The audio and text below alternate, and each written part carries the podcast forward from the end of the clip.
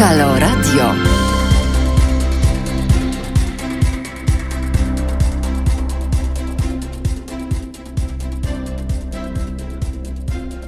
Dobry wieczór Państwu, Konrad Szołajski, Halo Radio. Dzisiaj jesteśmy znowu w bardzo pięknej kawiarni, której właścicielem i gospodarzem jest Sławek Olszewski, siedzący koło mnie. Więc ja proponuję, żeby Sławek po prostu powiedział, dlaczego tu jesteśmy i kilka słów o tym miejscu. Proszę. Dobry wieczór.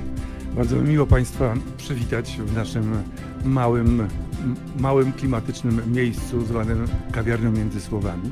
Mam nadzieję, że przez całe wakacje, co niedziela, będziecie Państwo gościli u nas. Naszym, naszą nadzieją i marzeniem jest to, abyście zaczęli przychodzić tutaj na te audycje, które są y, realizowane na żywo i uczestniczyli troszeczkę w tych spotkaniach. Można później z gośćmi zaproszonymi porozmawiać, ba, można zadawać pytania, e, można po prostu włączyć się i w sposób interesujący przy kawie spędzić kawałek niedzieli. E, nasza kawiarnia mieści się przy ulicy Chmielnej 30 w Warszawie i będzie nam naprawdę bardzo miło. Bardzo Ci dziękuję, Sławku. E, myślę, że jeszcze będziemy Cię tu gościć, jak będziesz mógł nas kiedyś zaszczycić. A teraz Oczywiście. bardzo proszę, żebyś pozwolił naszym gościom zająć miejsce. Zapraszamy Maćka Drygasa. Maćku, proszę. Siadaj koło mnie. To jest e, mój kolega reżyser Maciej. wieczór Państwu. Maciej Drygas, mów do mikrofonu. Jako filmowiec powinieneś pamiętać, że Dobry bez tego państwu. nie słychać. Dobrze, teraz e, druga osoba to jest Konrad Zaremski, krytyk filmowy. Zapraszamy. Wiesz, mamy jeden mikrofon, więc wręczam tutaj. Dobry wieczór. Imiennik i rówieśnik. Tak, jak najbardziej. I trzecia osoba to jest Zbyszek Bluza. Zapraszamy Cię, Zbyszku. Witam Państwa. I teraz tak. y, Lekka nietypowa, ponieważ znajdujemy kawiarni, co tworzy taki klimat, powiedziałbym, rozmowy nie takiej w kawiarni. Nie jesteśmy tak oficjalnie w radiu, ale muszę parę słów powiedzieć. Otóż po pierwsze, witam wszystkich, tutaj obserwował, e, kto się pojawił. Mam tu komputer. Kapitan Stratford już jest i Mirgo Milecz e, i, i parę innych osób, więc serdecznie wszystkich witam. Jesteście wiernymi słuchaczami, bo zwykle, właściwie chyba prawie spotykam. I bardzo dziękuję także za wpłaty, które umożliwiają to, żeby radio w ogóle funkcjonowało. E, Wszelkie informacje dla tych, którzy jeszcze nie wpłacali nam datków, są na stronie, więc nie będę Was zanudzał, tylko po prostu zachęcam do zajrzenia na stronę Halo Radio. A dzisiaj będziemy rozmawiali o czymś, co jest mi e, bliskie, co mi leży na sercu. Mianowicie ja się interesuję historią, interesuję się filmem, sam robię filmy i wydaje mi się, że to jest niejako nasz obowiązek filmowców, żeby trochę opisywać ten świat wokół nas. Zarówno to, co jest dzisiaj, czasem robimy jakieś science fiction, ale często robimy rzeczy, które opowiadają o historii. I e, obecność Konrada e, Zaremskiego tutaj dzisiaj, który o bardzo wielu rzeczach może Wam opowiadać, tym razem jest wywołana tym, że Konrad od wielu, już chyba nie tygodni, ale miesięcy, ogląda polskie kroniki filmowe, czyli taki zapis, który kiedyś był bieżącym zapisem, a teraz jest takim jakby historycznym materiałem archiwalnym. I chciałbym, żeby Konrad nam opowiedział o tej inicjatywie, w której bierze udział i o tym w zasadzie, jak ta kronika filmowa e, funkcjonuje dzisiaj. Czy to jest źródło historyczne, czy to jest wzruszający zabytek z epoki, czy może coś innego. Konradzie, oddaję Ci głos. Zaczniemy chyba od prehistorii. W roku 1896 polski operator Bolesław Matuszewski opublikował dwie broszury. Jedna nazywała się Film jako źródło nowej historii. I tak naprawdę Matuszewski, który był zafascynowany wynalazkiem braci Limier, yy, uznał, że film jest jedynym rzeczywiście kompetentnym źródłem historycznym. I y, oczywiście miał na względzie różnego rodzaju wydarzenia, parady, marsze, y, rewie armii, z drugiej strony wydarzenia polityczne, y, kiedy władze prowadzili rozmowy i tak dalej, ale rozszerzał o parę innych tematów, między innymi jego prekursorska myśl dotyczyła czegoś takiego jak filmowanie operacji robionych przez wybitnych lekarzy, czyli jest jakby na porządku dziennym i każda dobrze wyposażona sala operacyjna ma galerię, z której inni lekarze obserwują mistrza, chyba przecina i tak dalej. Czyli on to robił po to, żeby niekoniecznie trzeba było być świadkiem, a móc to potem obejrzeć. Tak, tak. Y, no i jest jeszcze taka anegdota, y, że y, Otto Bismarck, kanclerz Niemiec, podczas wizyty francuskiego prezydenta na dworze Mikołaja II, Matuszewski był nadwornym operatorem Mikołaja II, nie oddał właściwie honorów fladze rosyjskiej. W związku z czym prezydent Francji został oskarżony o lekceważenie gospodarza. No a ponieważ już raz Bismarckowi udało się y, fałszywką, fake newsem wywołać wojnę, więc można było spodziewać... To była ta słynna wojna francusko-pruska, wygrana tak, przez Prusy. Przez, y, dzięki depeszy emskiej. Tak, słynna depesza emska, która stworzyła konflikt, ten konflikt Francuzi zostali wciągnięci tym chytrym podstępem Bismarcka. Tak przypominam na wszelki wypadek, jakby tak. ktoś nie pamiętał z historii. Więc tutaj chodziło też o jakby y, pewien sprytny fake news, no ale okazało się, że jest y, film, na którym prezydent Francji nie salutuje, jak to sugerował Bismarck, ale zdejmuje cylinder. Więc wszystko jest jakby uzasadnione. Należy y, filmować wielkie wydarzenia, ważne wydarzenia, a może nawet wydarzenia malutkie, co, o czym będzie pan Maciek mówić. Y, no ale cóż, od czasów Matuszewskiego kino się rozwinęło. Były jeszcze jedne, były duże wydarzenia, co do których y, film był wykorzystany na, na rozmaite sposoby.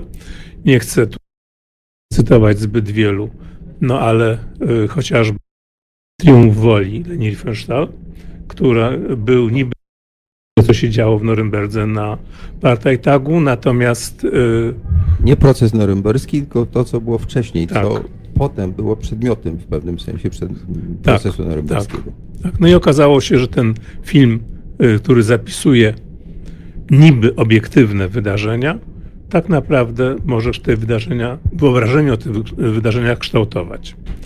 No i jakby to powiedzieć, jednym z takich filmów kształtujących było, yy, były kroniki filmowe.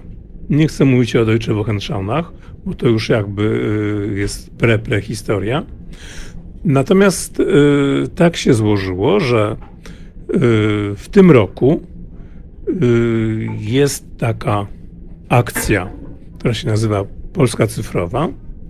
I to polega na tym, że y, wybierane są rzeczy klasyczne do digitalizacji i do upublicznienia na y, internetowo. Rzeczy klasyczne skąd? Co to są? To jest, są filmy dokumentalne, filmy fabularne. No i ktoś uznał, że trzeba również zrobić to samo z kroniką. I ten ktoś też uznał, że to ty powinieneś zrobić to właśnie z kroniką. No, y, nie tylko ja. Jest nas kilku.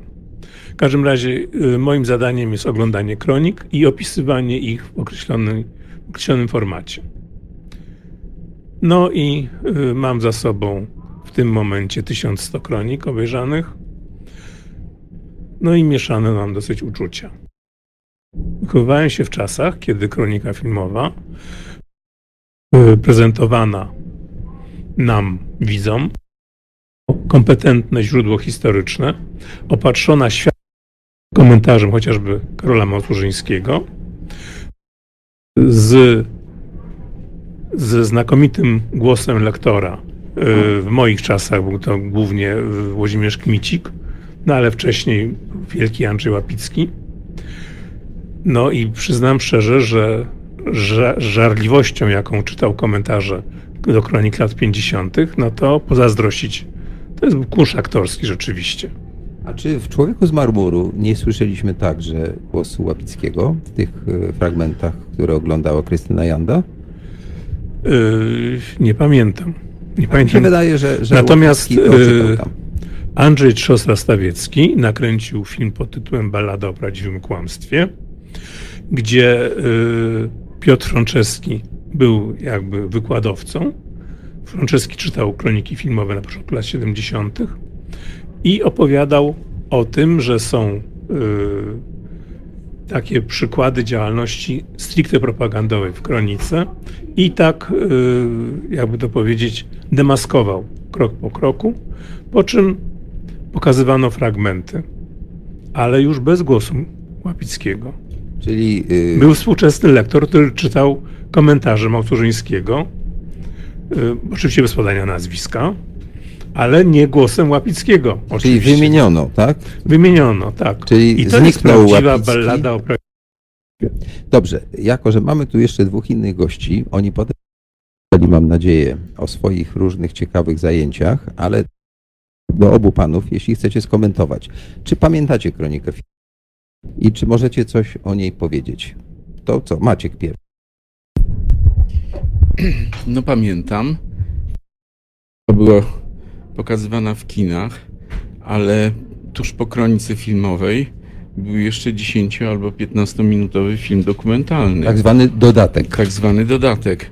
I te dodatki były niezwykłe, realizowane przez bardzo utalentowanych autorów i te dodatki, śmiem twierdzić, no zbudowały w ogóle coś, co można nazwać polskim filmem dokumentalnym i w przeciwieństwie do kroniki filmowej, która była taka zero-jedynkowa i pokazywała to, co pokazywała, to komentowała, to te filmy dokumentalne miały w sobie mnóstwo szlachetności, wynikającej między innymi z pewnej takiej gry z cenzurą, ponieważ y, cenzorzy najczęściej zwracali uwagę na tę stronę werbalną, czyli jeśli w słowie nie padało coś bardzo brzydkiego pod adresem ustroju, to jakoś można było ten film przepuścić. W związku z tym moi starsi koledzy dokumentaliści wypracowali taki ezopowy język, bardzo szlachetny, korzystając z y, y, no, całej gamy języka filmowego i tworzyli filmy dokumentalne, które y, nie opierały w mniejszym stopniu opierały się na słowie, albo to tam mniej znaczące, natomiast Słuchajcie powtórki programu. środę od 13 do 15 zaprasza Tomasz Jastron, poeta, prozaik, eseista i krytyk literacki. Przez lata współpracujący z paryską kulturą. Tomasz Jastrun i jego goście. 13-15. www.halo.radio. Słuchaj na żywo, a potem z podcastów.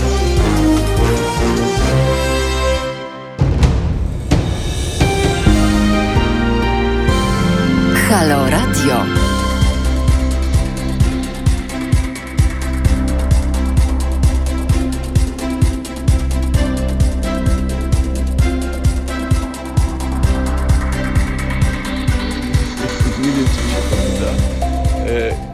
Wracam do kronik filmowych e, pokazywanych e, w kinach. E, te kroniki filmowe zaczynały seans, ale tuż po tych kronikach filmowych były tak zwane dodatki, filmy dokumentalne. Te filmy dokumentalne były krótkie, takie 10-15 minutowe i bardzo często bywało tak, że ten film dokumentalny był nawet ciekawszy od filmu później fabularnego, który dalej był pokazywany. E, moi starsi e, koledzy e, próbowali oszukiwać cenzurę, która skupiała się na takim przekazie werbalnym, czyli wysłuchiwała, dbała o to, żeby, żeby słowem nie, nie obrazić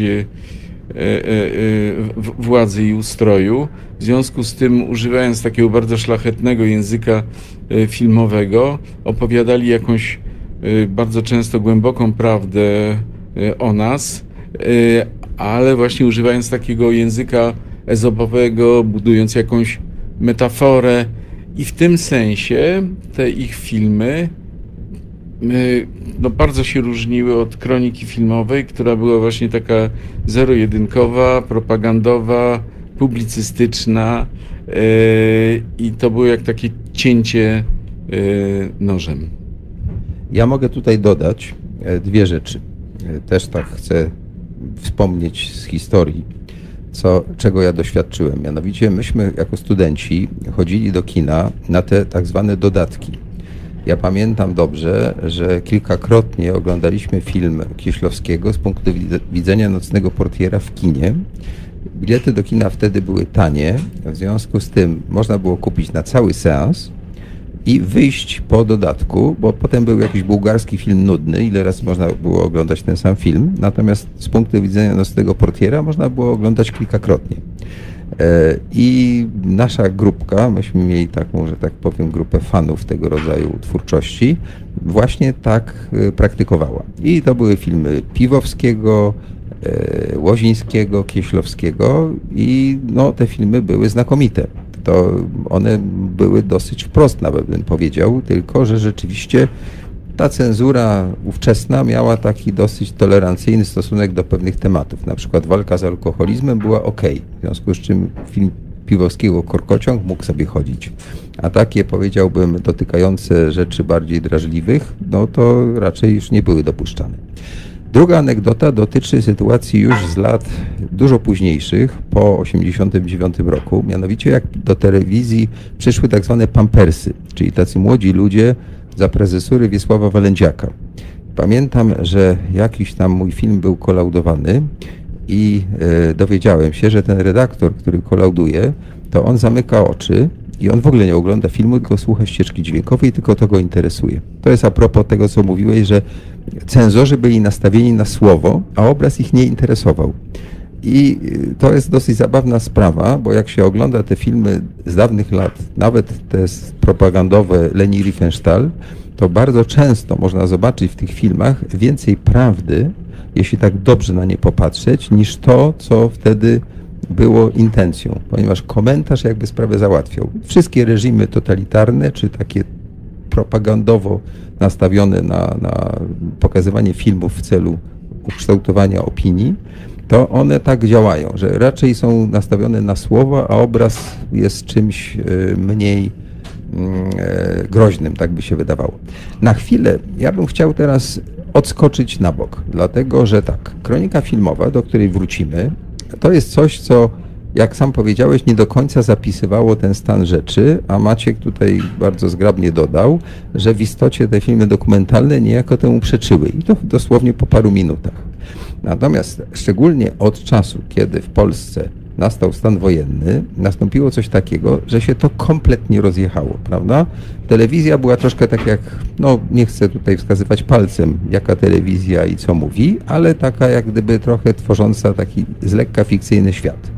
Ja sam wtedy tam wszedłem i zrobiłem film o wiadomościach telewizyjnych, o dzienniku telewizyjnym, bo to było szokujące, że ten dziennik mówił, że wszystko jest świetnie, a na ulicach były no, manifestacje, prawda? To był taki oczywisty kontrakt, które były jak gdyby pomijane lub nie e, pokazywane, ale tak zdawkowo. Wcześniej pielgrzymki papieża były pokazywane także same stare zakonnice w nich uczestniczą i tak dalej, wiadomo.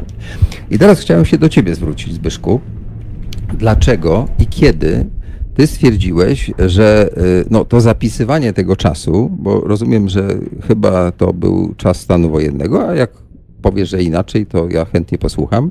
Dlaczego w ogóle zacząłeś to robić? Bo ty też zacząłeś to robić, prawda? W jaki sposób próbowałeś zapisać czas?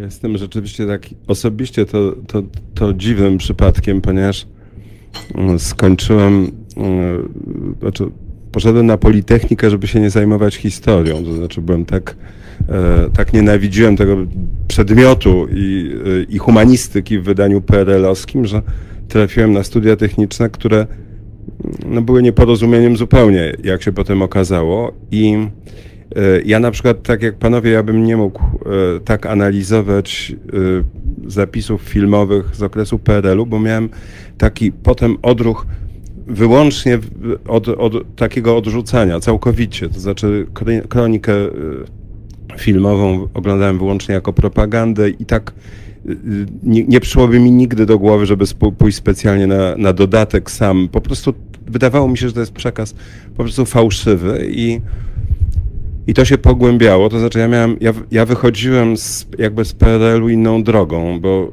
y, przez teatr alternatywny i przez takie doświadczanie jakby rzeczywistości nie, nie teatr ósmego dnia, prawda? Ty nie, nie oglądanej, tylko kreowanej. To znaczy ja uważałem, że rzeczywistość PRL-owska jest całkowicie sztuczna, a, a ta w, na scenie, jeżeli to się robi według takiego zamysłu, że, że się buduje jakby rzeczywistość alternatywną wobec PRL-u, że tu, tu są jakieś elementy prawdy i że to, że e, ja, ja raczej poszedłem za tym. Nie miałem żadnych odruchów archiwistycznych, dokumentalnych, nic takiego. E, mnie po prostu wyprowadził z zupełnej równowagi stan wojenny, tak jak człowieka, którego uderzono w twarz. Ja po, ja po prostu miałem takie poczucie, że mnie uderzono osobiście i że ja już więcej nie uczestniczę na normalnych zasadach. Myśmy wtedy po trzech tygodniach stanu wojennego założyli kartę. Wtedy to była gazetka no taka barykadowa, to tak naprawdę nie, nie miała nic wspólnego z historią, była po prostu czystym e, antykomunizmem. To znaczy, myśmy po prostu zapisywali rzeczywistość. Mm, e, I e, ta karta była nastawiona na, e, na zwycięstwo polityczne. I bo to dosyć pikantne, dlatego że myśmy przed 31 sierpnia w 1982 roku wydali najbardziej agresywną gazetkę. Byliśmy sami pacyfistami, no po prostu daliśmy sygnał, że trzeba się bić, bo jeżeli nie wygramy na ulicach, to po prostu będzie to na lata. I tak się stało. I to nie było na lata. No było na lata. No, po 31 sierpnia się okazało, że, y, czyli w drugą rocznicę Solidarności, że stan wojenny jest na lata i był do 86 w zasadzie bez zmiany w prawie, a do 89 naprawdę. Y, I to spowodowało, że myśmy zmienili formułę i postanowiliśmy nie zajmować się już barykadą, znaczy bo, bo widać było, że tego komunizmu nie zwalczymy, że my musimy ponieważ mamy to na lata, skupić się na ludziach, którzy dają sobie radę w większej opresji niż my. I to był pierwszy krok w stronę historii, bo się okazało, że, że nie ma wyjścia, po prostu, że można z, na przykład z, z e, obszaru sowieckiego wziąć postawy ludzi, którzy są w gorszej sytuacji niż my. Ale krok po kroku cofaliśmy się i w gruncie rzeczy się okazało, że że jeżeli nie dotkniemy procesów, tylko dotkniemy punktowo tego, co się dzieje ówcześnie, to że tego nie zrozumiemy. I karta zaczęła już ta taka książkowa zamieniać się z, z pisma, które przedstawia postawy wobec dyktatur współczesnych, a nie przeszłych, na pismo historyczne. Ja nie wiedziałem wtedy, że staje się kimś w rodzaju inicjatora archiwum, ponieważ my, myśmy to właściwie uważali wyłącznie za, za zaplecze, ale w 1983 roku uruchomiliśmy e, historię mówioną tak naprawdę w Polsce. To znaczy to był pierwszy na większą skalę akt, bo e, postanowiliśmy wszystkich wychodzących z więzień, e, więźniów politycznych nagrywać, ponieważ się okazało, że oni po paru tygodniach nie umieją o tym opowiedzieć, że chodziło o to, żeby ich złapać w pierwszej chwili. Ja już nie będę tłumaczył dlaczego, ale w każdym razie robiliśmy to na większą skalę. Potem się okazało, że to był prapoczątek y, działań, które się potem rozwinęły, bo w 1987 roku założyliśmy Archiwum Wschodnie i to było to już potem ogólnopolskie przedsięwzięcie, które nagrywało ludzi, którzy przeszli przez Rosję sowiecką. I się okazało, że bez zapisywania przeszłości tak u źródła, to znaczy, to jest pewnie równoległe do tego, co, co mówiliście o filmie, ale że, że Polska była fałszywa w ogóle, jeżeli chodzi o, o, o obraz drogi, jaką, jaką, jaki, drogi, jaką kraj przeszedł. Myśmy zaczęli od represji sowieckich, bo wydawało nam się, że to jest na indeksie w największym stopniu, że, że po prostu tego nie ma w ogóle. To jest, są setki tysięcy, jak nam się wtedy wydawało, ludzi, którzy wrócili stamtąd i odebrano im historię.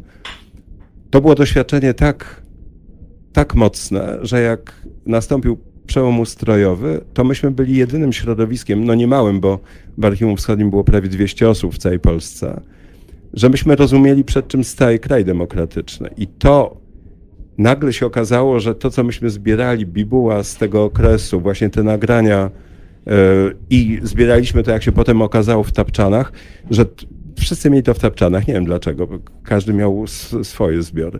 Potem wydobywaliśmy to z tych tapczanów. Że, yy, że nagle to jest tak jakby oś, yy, rdzeń, z którego dopiero można wychodzić. Myśmy byli w 90 latach zupełnie unikatowym miejscem, dlatego że wszyscy tak trochę w ślad za PRL-em, może właśnie poza filmem dokumentalnym, ale historycy właściwie cały czas opisywali przeszłość z lotu ptaka. Społeczeństwa, fronty, wielkie plany i tak dalej. Myśmy się zajmowali wyłącznie pojedynczym człowiekiem, który ma być świadkiem i prowadzić nas przez przeszłość. I się okazywało, byliśmy, każdy temat, jaki braliśmy, był jedyny. Teraz jest kompletnie inaczej. To po tych trzech dekadach każda sprawa ma konkurencję, łącznie z polityczną. Natomiast wtedy to była kompletna, to było kompletne pustkowie i wtedy się okazywało, już nie chcę dłużej, ale po prostu wtedy zrozumiałem, że archiwum i dokumentacja to jest coś, e, to nie jest narzędzie tylko, czyli, czyli coś, czego można użyć, gdy się chce coś zrobić. To jest warunek. Proszę Państwa, to ja proponuję, że po tym szalenie ciekawym i ustawiającym chyba w takiej bardzo ważnej perspektywie tę naszą dyskusję wstępie czy prezentacji karty, po prostu posłuchamy muzyki, bo akurat utwór jest taki, że myślę, że pasuje. Mianowicie, zamknęło mi się, budzi mnie bicie serc, Ozzy. Słuchajcie powtórki programu. Halo Radio.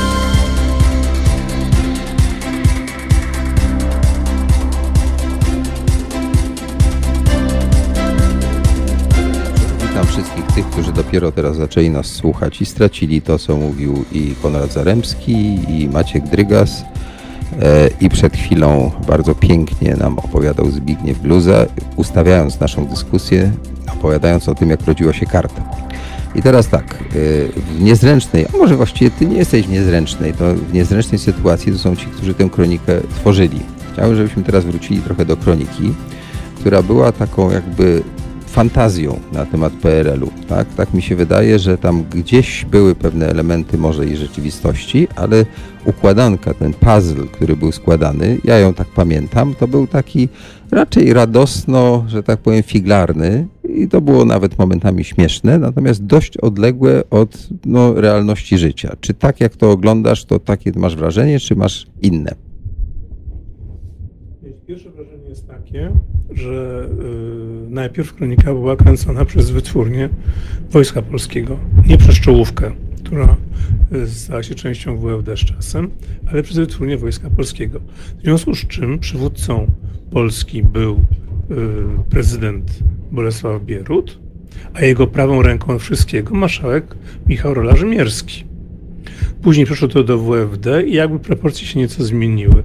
To znaczy marszałek Rażmierski występował od czasu do czasu. Nie w. Każdym, nie w każdym numerze. Y, w momencie, kiedy przyszły czasy gomułkowskie, to yy, zwłaszcza pod koniec, to kronika filmowa służyła do tego, by pokazać, jak dzielny jest naród wietnamski, jak obrzydliwi są Izrael, żołnierze Izraela, nie dają spokoju tym biednym Arabom, no i oczywiście ci wredni odwetowcy zachodnio-niemieccy, którzy stale y, próbują nas zepchnąć z mapy Europy. Chłopka i czaja. Tak. tak. Ja to pamiętam, to tak, tak jeszcze, jeszcze, w uszach mi to dźwięczy. Jeszcze y, gdańscy Niemcy. Tak, to strasznie, ten, tak. naj, prawie najgorsi, ale Chłopka i Czaja byli jeszcze gorsi chyba.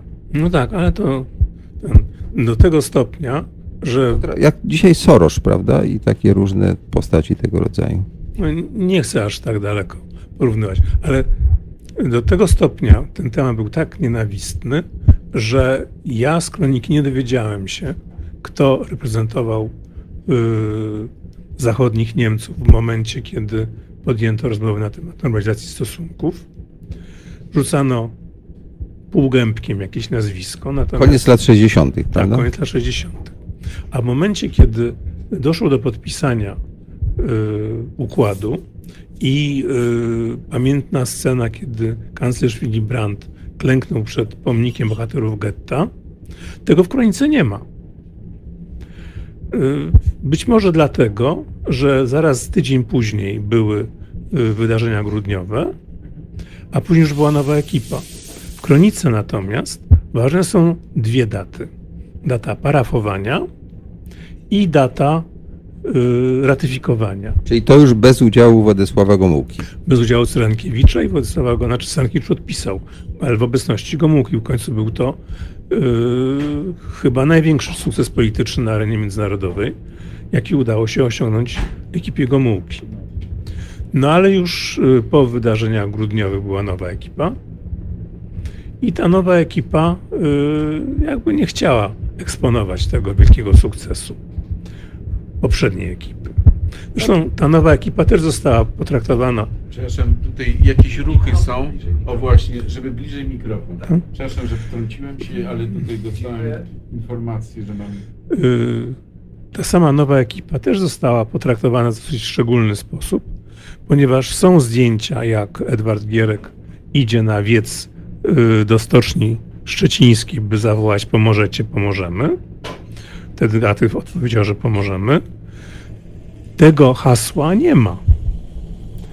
Mnóstwa zresztą takich bardzo istotnych momentów z historii nie ma. Tak jak gdyby y, okazało się, że y, już jest telewizja, która jest szybsza, Y, i bardziej kompetentna w gromadzeniu wiadomości. Ale czy tego nie nakręcono, czy tego nie wmontowano? Podejrzewam, że było to nakręcone, ale nie zostało wykorzystane. Zresztą cały ten moment przejęcia władzy przez ekipę Gierka, ten proszę odsunąć się od torów, nadjeżdża, no, y, nadjeżdża pociąg z Katowic, jest bardzo delikatnie i ostrożnie pokazany tak jak gdyby y, jeszcze nic nie było do końca napisane. Natomiast co interesujące, gdzieś tak od listopada do lutego, tym roku? okresie, w roku, roku. Y, 70 i 71, w kronice występuje w dużej ilości Mieczysław Moczar. Ja myślę, że. Przypomnijmy może, co to znaczy, bo to tak jakbyś powiedział Juliusz Cezar, ale to nie jest aż taka postać, ale mimo wszystko znacząca. Kto nam powie, kto to był Mieczysław Moczar, bo nie wszyscy... Nie, znaczy, może zaczniemy inaczej. W kwietniu 69 e, roku, kiedy, 68 roku, kiedy zaczęła się marcowa chucpa, yy, Władysław Gomułka po imieniu powiedział, kim są ci obrzydliwi syjoniści, którzy się yy, wczepili w polski, polskie społeczeństwo i trzeba ten wrzut wyciąć. Tak streszczając. Była to myśl głęboka yy, Mieczysława Moczara i Gomułka przejął jakby ten... Tylko, że na tym wiecu okrutnym yy, były różne ugrupowania. Część krzyczała Wiesław, Wiesław, co zbierała yy, telewizja. Część krzyczała Gierek, Gierek, co słyszeli ludzie będący na sali. Y, I od tych ludzi dowiedziałem się o tym, a część krzyczała Mietek, Mietek. Czyli Mieczysław Moczar. Moczar. Mieczysław Moczar, główny partyzant y, PRL-u, który y, trzymał przez wiele lat kluczowe stanowiska w PRL-u. Skończył jako prezes Najwyższej Izby Kontroli. Natomiast gdzieś tak do lutego 1971 roku myślał o tym, żeby przejąć władzę w Polsce. No tak, no myślę, że warto przypomnieć y, tym, którzy no nie zawsze wszystko doczytali w podręcznikach, że Mieczysław Moczar reprezentował taką nacjonalistyczną e, część PZPR-u i gdzieś tam próbował budować swoją pozycję, także wyciągając tych ludzi z AK, którzy byli skłonni poprzeć tego rodzaju myślenie, prawda? To był taki twardogłowy komunista, ale o tych nacjonalistycznych cechach. No nie chcę wchodzić w dzisiejszą politykę w tej chwili, można takie postaci dzisiaj też znaleźć i on się tym różnił od Gomułki, który był troszkę bardziej liberalny, czy od Gierka, który był dużo bardziej liberalny, że on był bardzo jakby na prawo, ja nie wiem jak to nazwać, no, czy w, w kierunku takiego ONR-owskiego myślenia. Chyba, chyba, chyba to słuszne jest yy, myślenie o Mieczysławie Moczarze. Jasne. Ja mam propozycję, bo wiemy, że ty przygotowałeś nam mały materiał filmowy i może zrobimy eksper eksperyment, chyba po raz pierwszy w historii tego radia i w ogóle chyba wszystkich stacji, które w tej chwili nadają, że nasze radio na chwilę się zamieni w telewizję i puścimy kawałek, który nam przyniosłeś, żeby pokazać, jak ta kronika wyglądała. Czy to jest materiał, który poszedł, czy został ukryty i nie To poszedł? jest materiał zastrzeżony. A no tych- właśnie, to w tych źródłach, tym które- ciekawsze. Tak. Y, Jest to opowieść o tym, jak wyglądały wydarzenia grudniowe z punktu widzenia kroniki filmowej w Szczecinie. I jednocześnie tak samo y, sygnowany jako y, w tym samym wydaniu, ale już poszedł na, na kraj, jest materiał z Gdańska, który jest, jakby to powiedzieć, identyczny w poetyce, Tyle, że y, słowa pierwszego sekretarza komentującego wydarzenia są nieco inne, ale i przesłanie jest dokładnie takie samo. To co? Obejrzymy. Nasz realizator Patryk w tej chwili zmierza się z techniką. Czy nas jeszcze słychać, czy już nie? To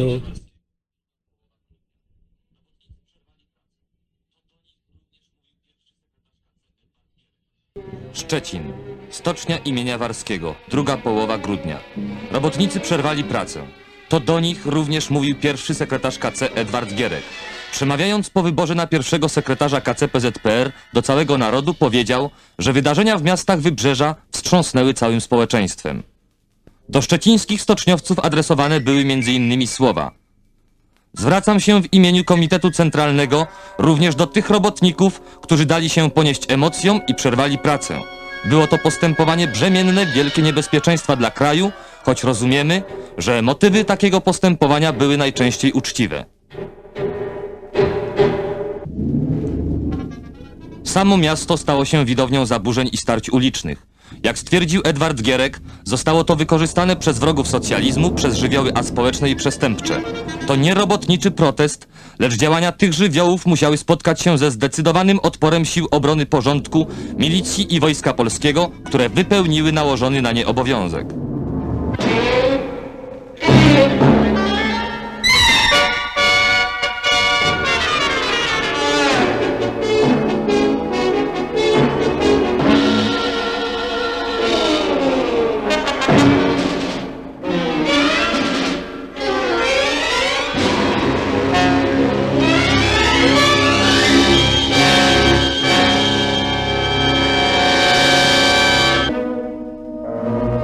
Wszyscy przeżywamy tragedię miast na wybrzeżu, zginęli przecież ludzie, powstały wielkie straty materialne. Dwa tygodnie temu pokazywaliśmy w kronice nowoczesne centrum Szczecina. Mówiliśmy, jest to miasto, do którego kamera nasza chętnie wraca. Z tego bolesnego powrotu powinniśmy wszyscy wyciągnąć wnioski. Ojczyźnie naszej potrzebny jest spokój i praca.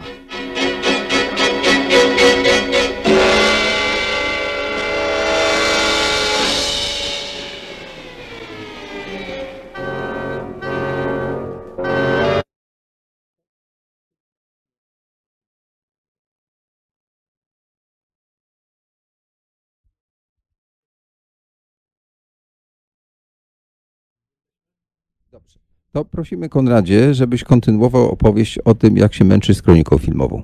No to jest y, akurat ten fragment, już zobaczyliśmy, fragment zastrzeżony. y, Czyli taki, który nie został pokazany publicznie. Nie został pokazany publicznie, ale przygotowany po to, żeby ukształtować świadomość e, e, widzów w kinach w taki sposób, żeby mieli poczucie, że tam warchoły paliły, niszczyły, a wojsko wprowadziło porządek w celu więc obrony nie ma socjalizmu. tego, co było 10 lat później, nie ma słowa o słuszności protestu. No tak, no bo wtedy protest, ten protest jest jeszcze nie uzasadniony, ale niekoniecznie słuszny, bo trzeba było po prostu, o czym zresztą będzie przez pół roku w Kronice, roku 71 w Kronice mowa na każdym, trzeba po prostu zdemokratyzować, albo inaczej udemokratyzować życie partii. Potrzebne są konsultacje, potrzebne są rozmowy, stąd ten gierkowski styl gospodarskich wizyt, rozmów, y, poklepywania po ramieniu, no i od uchylania y, ekonomicznego raju. Tak, tak wyglądała, zresztą na tym polegała ta kronika y, gierkowska. To były po prostu punktowane sukcesy władzy. Społeczeństwo, które urabiało się po łokcie, żeby wykonać czyny zjazdowe, czyny partyjne, żeby znaleźć 20 miliardów, żeby y, po prostu przy każdej okazji spotkania z władzą, władza była serdeczna i otwarta, ale w zamian dostawała pokwitowania, że robotnicy tej fabryki wypracowali tyle, a tej fabryki wypracowali tyle, a już kombinat Lenina, yy, czyli Nowa Huta, wypracowała tyle, tyle, tyle i tyle, ale jeszcze przyjdzie yy, Huta Katowice i ona dopiero będzie pracować naprawdę. No tak, mnie te obrazy y, przypominają wiele rzeczy, które widziałem i to jest takie coś, co mam w oczach, zarówno właśnie z 70 roku może mniej, bo ja wtedy byłem jeszcze za mały, ale jak y, wprowadzono stan wojenny, to w zasadzie kadry były bardzo podobne. No może mniej było takich ostrych rzeczy typu spalona siedziba partii, bo nikt nie palił żadnych komitetów. Natomiast obecność wojska na ulicach i ten rodzaj komentarza to w zasadzie była taka powtórka z historii. E, I ja pamiętam w tamtym czasie, że w pewnym sensie się jakby zatrzasnęło, tak? To było coś takiego, że ten, no dobrze, że grudzień się nie powtórzył z tą ilością ofiar, natomiast powtórzył się w pewnym sensie jako taka naga przemoc e, władzy. E, I teraz chciałem wrócić na chwilę do Zbyszka. Na ile w tym, co wyście robili, udało się zapisać, bo ja doceniam to w ogóle, co się działo i to, tę całą inicjatywę, ale na ile udało się zapisać y, coś wizualnego? Nie tylko głosy, które są niesłychanie ważne, ale także wygląd, czy zdjęcia, a może jakieś materiały filmowe. Zdjęć sami nie robiliśmy w ogóle. e, Ale rzeczywiście mieliśmy taki odruch wtedy, żeby zapisać stan wojenny tekstami. To, to zresztą ja- miałem sam takie doświadczenie wcześniejsze. Zrobiłem taką książkę dokumentalną o Teatrze Ósmego Dnia i, i ta metoda wydała mi się jakoś tak e, właściwa, żeby spróbować zapisać ten absurd stanu wojennego. I myśmy, myśmy zbierali ze, zewsząd takie zapisy rzeczywistości w stanie wojennym.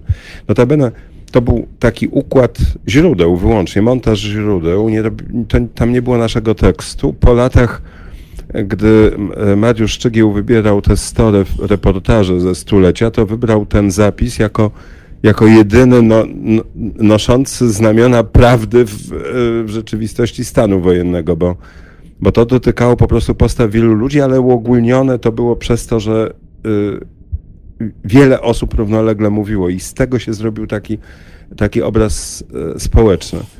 E, Myśmy nie, nie używali wtedy ani zdjęć, e, w karcie wtedy trochę rysunków, natomiast Wydaliśmy niedawno książkę Małgorzaty Niezabitowskiej mm, w Twoim kraju wojna i ona, to, to jest charakterystyczne, to w pewnym sensie odpowiedź na pytanie, ponieważ ona wraz ze swoim mężem, fotografikiem, e, pos- postanowiła dokumentować tamten czas. Znaleźli współpracownika w ambasadzie francuskiej i te materiały filmowe wyjeżdżały przez tę ambasadę e, na zachód. Ona pisała też dziennik i wysyłała e, to. Okazało się, że te zdjęcia były zupełnym unikatem. Po, po prostu na zachodzie nie można było przedstawić stanu wojennego ani tekstem, ani zdjęciami. Po prostu oni wykonali taki, taką, taką rzecz jakby zaskakującą.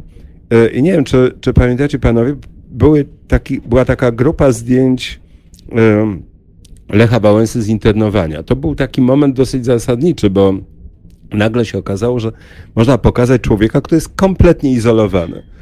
Zrobił to brat Wałęsy, który, którego właśnie ta para wyszkoliła. To znaczy on nigdy nie umiał, nie, nie robił zdjęć, no po prostu mu bardzo dokładnie powiedzieli, co ma zrobić, jak ustawić się, że nie pod światło i tak dalej. E, I on zrobił jedyne zdjęcia z e, uwięzienia Wałęsy, które potem były takim znakiem oporu, no bardzo, bardzo ważne. Jak ta książka wyszła, to, się, to myśmy sobie wtedy zdali sprawę, że po tym czasie prawie w ogóle nie ma zdjęć. To znaczy jest taka grupa tylko, właśnie ulica, kontrolowany maluch, e, grupa żołnierzy z karabinami przy, koksowniku z pierwszych dni stanu wojennego, ale nie ma rzeczywistości ciągłej, bo to właściwie nie było jak tego zrobić. I że oni, oni rzeczywiście zrobili dosyć dużą tę kolekcję taką reporterską, unikatową właściwie zupełnie.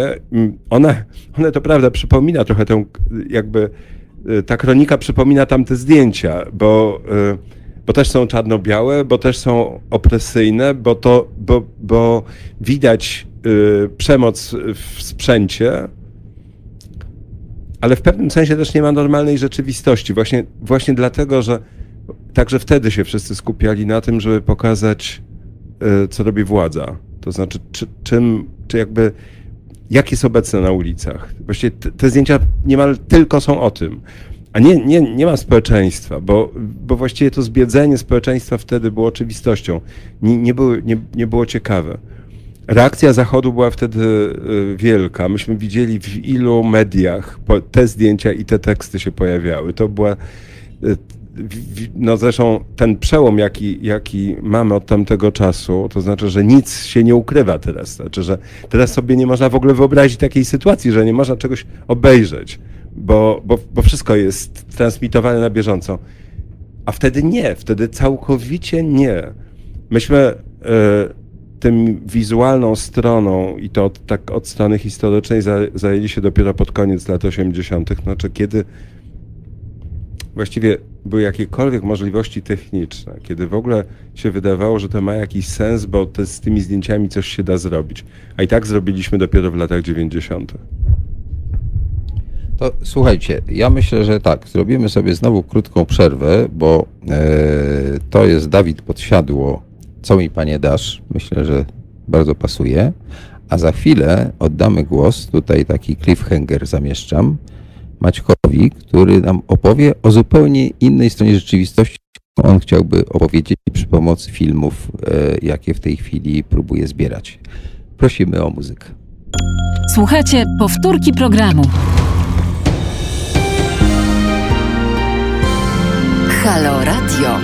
Dobry wieczór, witam Państwa, którzy nas do tej pory nie słuchali i stracili bardzo wiele ciekawych rzeczy, a opowiadali nam o swoich rozmaitych e, działaniach i różnych ciekawych sprawach.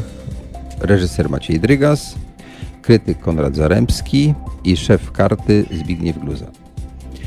I teraz e, myślę, że po tym, cośmy sobie już powiedzieli i o karcie, i o e, roli kroniki filmowej jako tak, taki zapis trochę propagandowy, a przede wszystkim biorący pod uwagę te takie wydarzenia typu zjazd partii, wizyta, podpisanie układu i tak. E, gdzieś tam e, e, brakuje chyba zapisu tego, jak żyliśmy, prawda? I o tym bardzo ciekawie mówił Zbyszek, że w zasadzie karta zaczęła się trochę od notowania wspomnień ludzi, czy w zasadzie na gorąco łapanych rzeczy, na przykład jak ktoś wychodził z więzienia w czasie stanu wojennego. I e, dowiedziałem się niedawno, e, że e, Maciej Drygas wymyślił i tworzy taką inicjatywę zapisu, czy zebrania zapisów, które już zostały zrobione, ale które no, być może by zniknęły, gdyby tej inicjatywy nie było. Ale ja nie będę streszczał tego, co ty pewnie powiesz lepiej, tylko po prostu oddam ci głos. Ale jeśli można, zanim zacznę opowiadać o tej inicjatywie, to no, żeby jakaś dramaturgia była w tej całej chciałbym, chciałbym pociągnąć odrobinkę, bo nad naszą rozmową całą unosi się takie pytanie, co to jest, czy prawda i czy w ogóle istnieje coś takiego jak jak, jak no nie, do Arystotelesa się nie cofamy dzisiaj. To już do no, początku no kina nie. się cofnęliśmy, wystarczy. No ale mamy teraz dwa światy. Jeden świat to jest świat kroniki filmowej, a drugi świat to jest świat karty i y, Zbyszka Gluzy razem z jego y, ekipą. Ja muszę powiedzieć, że to jest no, niewyobrażalnie bliski mi y, świat i jakby siła tego, co, czym zajmowała się zawsze karta, to, to było właśnie pozostanie z historią na poziomie takiego materiału źródłowego. To znaczy, jeśli czytamy sobie kwartalnik Karta, to tam nie mamy historyków, którzy jak przewodnicy w muzeum prowadzą nas i nam narzucają jakieś interpretacje, tylko po prostu mamy materiały źródłowe i my w naszych głowach tworzymy y, y, y, jakiś dodatkowy świat one pozostawiają nam taki bardzo szeroki horyzont interpretacyjny. W tym sensie polska kronika filmowa e, nie pozostawiała żadnego horyzontu, ponieważ to było jakby dopowiedziane e, no właśnie zero-jedynkowo i trudno było tam szukać pomiędzy tymi krótko ciętymi kadrami jakiejś tam dodatkowej e, metafory. Natomiast pomyślałem przez pewne takie doświadczenie, bo ja kiedyś ponieważ polska kronika filmowa jest bardzo często wykorzystywana w filmach dokumentalnych i bardzo często jest wykorzystywana również poprzez lenistwo po części autorów jako pewnego rodzaju ilustracja PRL-u. I w tym sensie uważam, że to jest y, ogromny błąd, ponieważ polska kronika filmowa nie ilustruje PRL-u. Kiedyś zrobiłem takie sobie badanie drobne porównawcze tej samej, że tak powiem, imprezy, to dotyczyło 1 maja, już nie pamiętam, 50 któryś rok, z materiałów amatorskich i z materiałów yy, właśnie kroniki.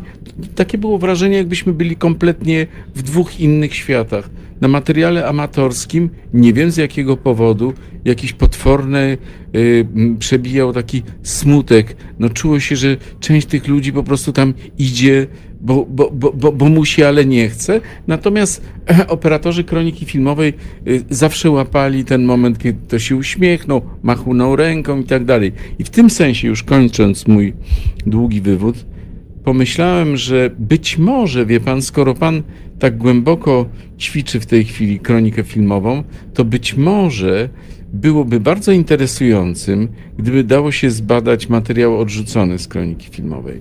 Czyli oddzielne, że tak powiem, takie badania, to jest ogromna robota, ale y, być może, że, że ona by dała nam taką y, pewną dodatkową y, perspektywę. No, w tych materiałach odrzuconych ja również znalazłem siedmiosekundowe ujęcie płonącego Ryszarda Siwca kiedyś, dawno, dawno temu. Odrzuconych, schowanych, no trudno to yy, nazwać. No ale to, to yy, jakby kończąc. I, e, I teraz jakby dalej... Pochód pierwszomajowy trwał 4 godziny. Kronika filmowa filmowała 4 godziny. I y, materiał, który szedł w kronice, rzadko kiedy było pełne wydanie poświęcone pochodowi, aczkolwiek były takie, y, trwał od 2 do 4 minut, czyli 1,60. Same uśmiechem też można było w tej 1,60 zmieścić. Oczywiście, ale prawdę mówiąc to 4 godziny, jeśli rzeczywiście było zapisane, a myślę, że nie, bo, bo, bo to jednak y, na kasecie było 10 minut i one, te, te, te, materiały filmowe nie były, taśma była dość droga, więc myślę, że z takiego pochodu to pewnie na tych 4 minut, nie wiem, no może sfilmowanych... 4 minut. Jest, y, idzie młodzież z Pałacu Młodzieży, jeszcze radośnie, wiesz, to o 10, więc o 10.30 będą wolni. Y, później idzie y, wola, zazwyczaj szła pierwsza wola. Później pokazujemy przebitki na dziennikarzy telewizji, na y, naszych kolegów z Kroniki i z WFD, na aktorów No i trybuna, która macha regularnie łapką. To wie pan, ja jako człowiek z Łodzi, to u mnie szła niewola. Natomiast pamiętam, że y, kiedyś, y, kiedy miałem już taką malutką kamerkę mm, 8 mm, ustawiłem się na końcu. W Łodzi na Placu Wolności się kończył mm, pochód i, i, i to, był, y, to był całkiem ciekawy obrazek. To znaczy, w momencie, kiedy ludzie już dochodzili do końca, to porzucali te sztormówki i tak dalej, po prostu już dalej biegli do siebie gdzieś tam, no nie wiem, jakieś kiełbasy sprzedawane, jakaś majówka była, ale takie po prostu kompletnie, kompletnie jakby inny świat. No dobrze, wracam, wracam, ale też y, ciągnąc ten, ten wątek gdzie jest ta, ta granica i co jest bardziej i mniej prawdziwe, to chciałem powiedzieć, że takim materiałem pośrednim, bardzo ciekawym moim zdaniem, to jest zasób y, etiud y, łódzkiej szkoły filmowej. I to było coś, co kilka lat temu wspólnie z archiwum w Łodzi no, rozkręciliśmy, bo nagle okazało się, że jest strasznie dużo tych y, materiałów. Postanowiliśmy to zacząć digitalizować i y, udostępniać. W tej chwili jest fantastyczna strona internetowa z opisami w języku polskim, angielskim. Jest tam już ponad 500 etiud. I jeśli wpatrywać się, a ja akurat no, przeglądam te materiały z punktu widzenia człowieka, który tworzy filmy y, montażowe po części, czyli nadaje tym materiałom pierwotnym jakieś tam nowe znaczenia. I w tym sensie dla mnie prawie bezużytecznym są materiały kroniki filmowej. Chyba raz w życiu to za, za, zacytowałem. Natomiast w etiudach y, y, szkolnych, studenckich, gdzie była trochę mniejsza cenzura, gdzie było trochę więcej odwagi i młodzieńczej bezczelności, tam rzeczywiście no, zresztą, jeśli nasi słuchacze mają ochotę, to jeśli sobie wejdą na stronę mm, Etiudy Szkoła Filmowa czy Etiudy Film School, to zobaczycie tam potężną kolekcję i tam już y, jest y, dużo, y, że tak powiem, głębiej dotknięty PRL. No i właśnie po tym doświadczeniu po tym doświadczeniu z archiwum łódzkiej szkoły filmowej, a to było takie potężne przedsięwzięcie, które w tej chwili jak kula śniegowa się toczy. Mamy fantastyczną stronę, jedną z najnowocześniejszych na świecie, chciałem powiedzieć, ze wszystkimi możliwymi instrumentami do cięcia, można sobie wyciągać na, na, na komputer te materiały i tak dalej, i tak dalej. Y, postanowiłem jeszcze wykonać y, jedną, że tak powiem, rzecz, mianowicie stworzyć coś, co umownie nazwałem Polskie Archiwum Filmów Domowych, czyli spróbować pozbierać w tym kraju, bo to już ostatni moment, materiały domowe, ale realizowane na tasiemkach filmowych. Znaczy... Właśnie, wejdę Ci w słowo. Tak. E, bo to jest w zasadzie powód, dla którego dzisiaj ja chciałem, żebyś tutaj był. Ta inicjatywa wydaje mi się niesłychanie cenna, bo właśnie to jest coś takiego, co pozwala nam, pozwoli nam, bo jeszcze tego nie mamy, ale będziemy mieli, spojrzeć na historię, tę najnowszą, od tej strony bardziej ludzkiej, prawda? Nie od strony tych pochodów, nie od strony tych podpisywań rozmaitych traktatów międzynarodowych, tylko od tego, czym żyli konkretnie ludzie, jeśli się to zapisało w tych ich materiałach. E, w ogóle istnieje wśród historyków też pewien taki antropologiczny nurt, żeby próbować pisać historię nie jako, że tak powiem, rejestrację takich ważnych zdarzeń E, społecznych czy politycznych y, polegających na wizycie prezydenta jednego u drugiego i podpisywaniu dokumentów, tylko na tym, jak Kowalski i Malinowski zdobywali mm, środki, żeby utrzymać swoje rodziny i jak spędzali wolny czas. To jest coś, co wydaje się nie mniej ciekawe, jeśli odpowiednio to potem pewnie poskładać. Ale to jest inicjatywa niesłychanie ważna, bo teoretycznie każdy z nas ma jakieś tam archiwum domowe. Ale ja wierzę w to, że ilość przechodzi w jakość. To znaczy, jeśli z tych archiwów, które ty będziesz mm, w jakiś sposób penetrował, uda się mm, wydestylować pewien taki produkt, a ty jesteś od tego mistrzem, no to będziemy mieli zupełnie inny obraz świata tamtych czasów. Czy Ale się jak- zgadzasz z tym, co powiedziałem? Znaczy, tylko po części. Nie zgadzam się ze słowem wydestylować, ponieważ ja tego nie robię dla siebie. To znaczy, być może, być może, że jak powstanie taka wielka kol- kolekcja, no to mam taki pomysł, że, żeby zrealizować taki film y, z materiałów archiwalnych, taki album polski. No właśnie, jestem to pewien, że ale tak zrobisz. Jest, ale to jest kompletnie bez znaczenia wobec y, tego, po, po co to czynię. O, o, otóż, otóż rzeczywiście tak się okazało, że te materiały, które były realizowane na taśmie 8, Super 8, 16 mm, że, że coraz częściej albo lądują gdzieś na śmietniku, bo umierają osoby, albo gdzieś w piwnicy, albo na strychu. Nie ma projektorów, nie ma jak tego mm, y, y, obejrzeć. I takim jakby punktem wyjścia, y, to brzmi może y, anegdotycznie, ale była, była moja wizyta u lekarza. Otóż y, y, mniej więcej rok temu udałem się do lekarza i pan doktor, taki starszy człowiek, pyta się, czym ja się zajmuję. No to powiedziałem, że jestem dokumentalistą, a czy ja mogłem oglądać jakieś pańskie filmy? No nie mam pojęcia. Mówi, wie pan, no jeden to był o samospaleniu Ryszarda Siwca, taki dość e, znany, może pan oglądał, a on tak na mnie spojrzał, mówi, filmu nie oglądałem, ale mam to na taśmie. I okazało się, że, że człowiek był wtedy na stadionie, szukał bardzo długo tego materiału, to jest około 20 minut. W większości to jest zapis tego, co się zdarzyło wokół, bo jak już dochodzi do samego momentu płonącego Ryszarda Siwca, to on siedział też dokładnie po drugiej stronie jak operator kroniki filmowej, więc tam trzeba już się bardzo, bardzo dozumować i dopatrzyć.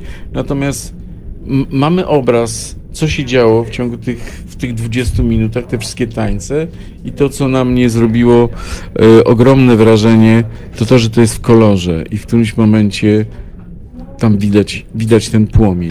I to był właściwie taki punkt wyjścia do tego, żeby zająć się tymi e, filmami 8-metrowymi, żeby spróbować je e, w jakiś sposób pozbierać i uratować. I pomyślałem jeszcze, że, e, że trzeba znaleźć na to y, miejsce. Zwróciłem się do Muzeum Sztuki Nowoczesnej w Warszawie, gdzie muszę powiedzieć, przyjęto ten projekt absolutnie z pełną otwartością. Y, I pomyślałem, że y, jeśli te materiały, które nigdy w życiu nie były realizowane jako jako dzieło sztuki, prawda, mają w sobie taką niewyobrażalną bezinteresowność, taki kompletnie bezinteresowny zapis. No, jeśli stworzymy tę kolekcję Muzeum Sztuki Nowoczesnej, to w jakiś sposób sakralizujemy te, te ma- materiały. One naznaczone są już stygmatem czasu i, i nastąpi jakby drugie, drugie y, y, życie. I teraz to, co mnie strasznie jakby w tych mm, wszystkich y, materiałach pociąga, to właśnie ten bezinteresowny zapis. To jest to, y, no ja się czuję dzieckiem y, karty, jestem strasznie dumny, że, że, że jestem tak blic, Mieszka. blisko. Znaczy ja mówię, ja mówię o miejscu, które jest dla mnie bardzo kultowym. I ten sposób spoglądania na historię przez y, właśnie najprostsze wydarzenia zwyczajnych ludzi, y, y, no, wy- wydaje mi się, że on ma og- og- og- ogromną siłę. Y, Cały projekt polega na tym, że my będziemy digitalizować te materiały bezpłatnie, na bardzo dobrej jakości. Ta digitalizacja jest, no, powiedziałbym, dość kosztowna nawet bardzo. I, I osoby, które nam będą przysyłały te materiały, będą w zamian za udostępnienie do naszej kolekcji, będziemy tworzyć ogromną stronę internetową, będą wreszcie mogły obejrzeć sobie te materiały w jakości takiej komputerowo-telewizyjnej, czyli będą zdigitalizowane, nie będą na tasiemkach. Myśmy ruszyli e, w maju, e, no przez pandemię to się odbywało bardziej przez internet. Natomiast muszę powiedzieć, że już z tych pierwszych, po- z tych z tego pierwszego jakby naboru już pojawiają się brylanciki. No na przykład odezwał się człowiek, który oprócz tego, że filmował swoją rodzinę, to również w piwnicy znalazł y, trzy taśmy 8 mm niemieckie z czasów okupacji w Warszawie. Więc będą, no nie chcę opowiadać o innych mm, brylantach, ale y, wydaje mi się, że to będzie bardzo, bardzo y, y, ciekawy zbiór, który właśnie będzie takim zapisem y, tego, tej parterowej historii.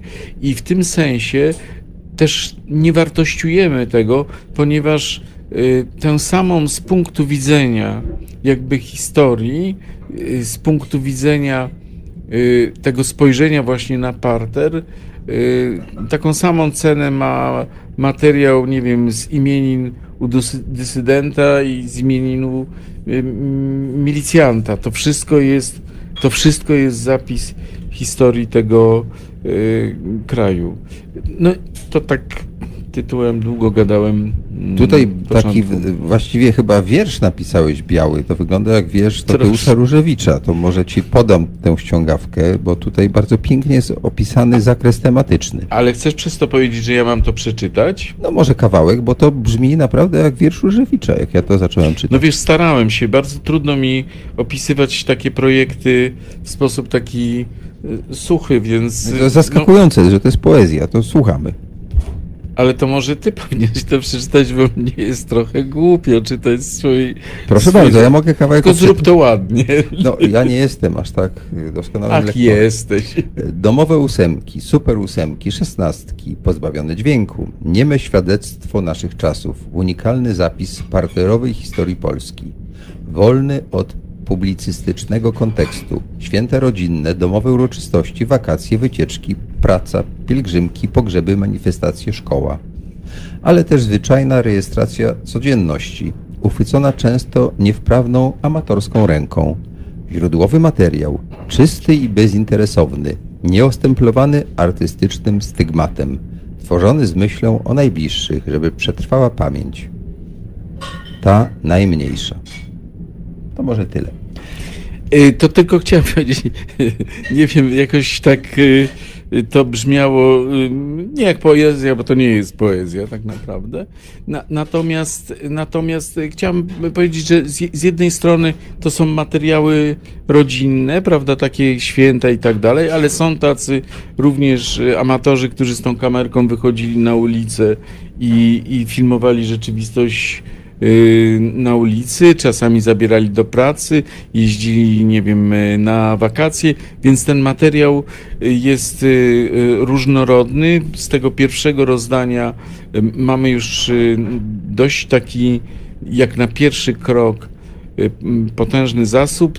Ta akcja będzie trwała, myślę, że przez 3-4 lata, ponieważ bardzo chciałbym, żeby nastąpiło takie no, porządne uprzątnięcie tego, y, y, i znaczy uprzątnięcie, zdigitalizowanie i żeby rzeczywiście te materiały gdzieś nie zniknęły w śmietniku. Będziemy później wspólnie my też myślę y, sobie próbować pewne rzeczy odtwarzać. Ja bym bardzo chciał stworzyć taką internetową mapę, żeby jeśli ktoś będzie chciał spojrzeć na przykład, no nie wiem, tylko na materiał z Piotrkowa Trybunalskiego, to tak by to było przyporządkowane, będziemy sobie znajdować jakieś być może miejsca, osoby, no to troszeczkę jest, mm, wchodzi, że tak powiem, w pewną paralelę znowu z y, inicjatywą y, karty, czyli archiwa społeczne. No wszystko to się moim zdaniem zazębia. To ja mam propozycję. Zdaje się, że przygotowałeś mały klip taki promocyjny, tłumaczący na czym to polega. Czy moglibyśmy go zobaczyć?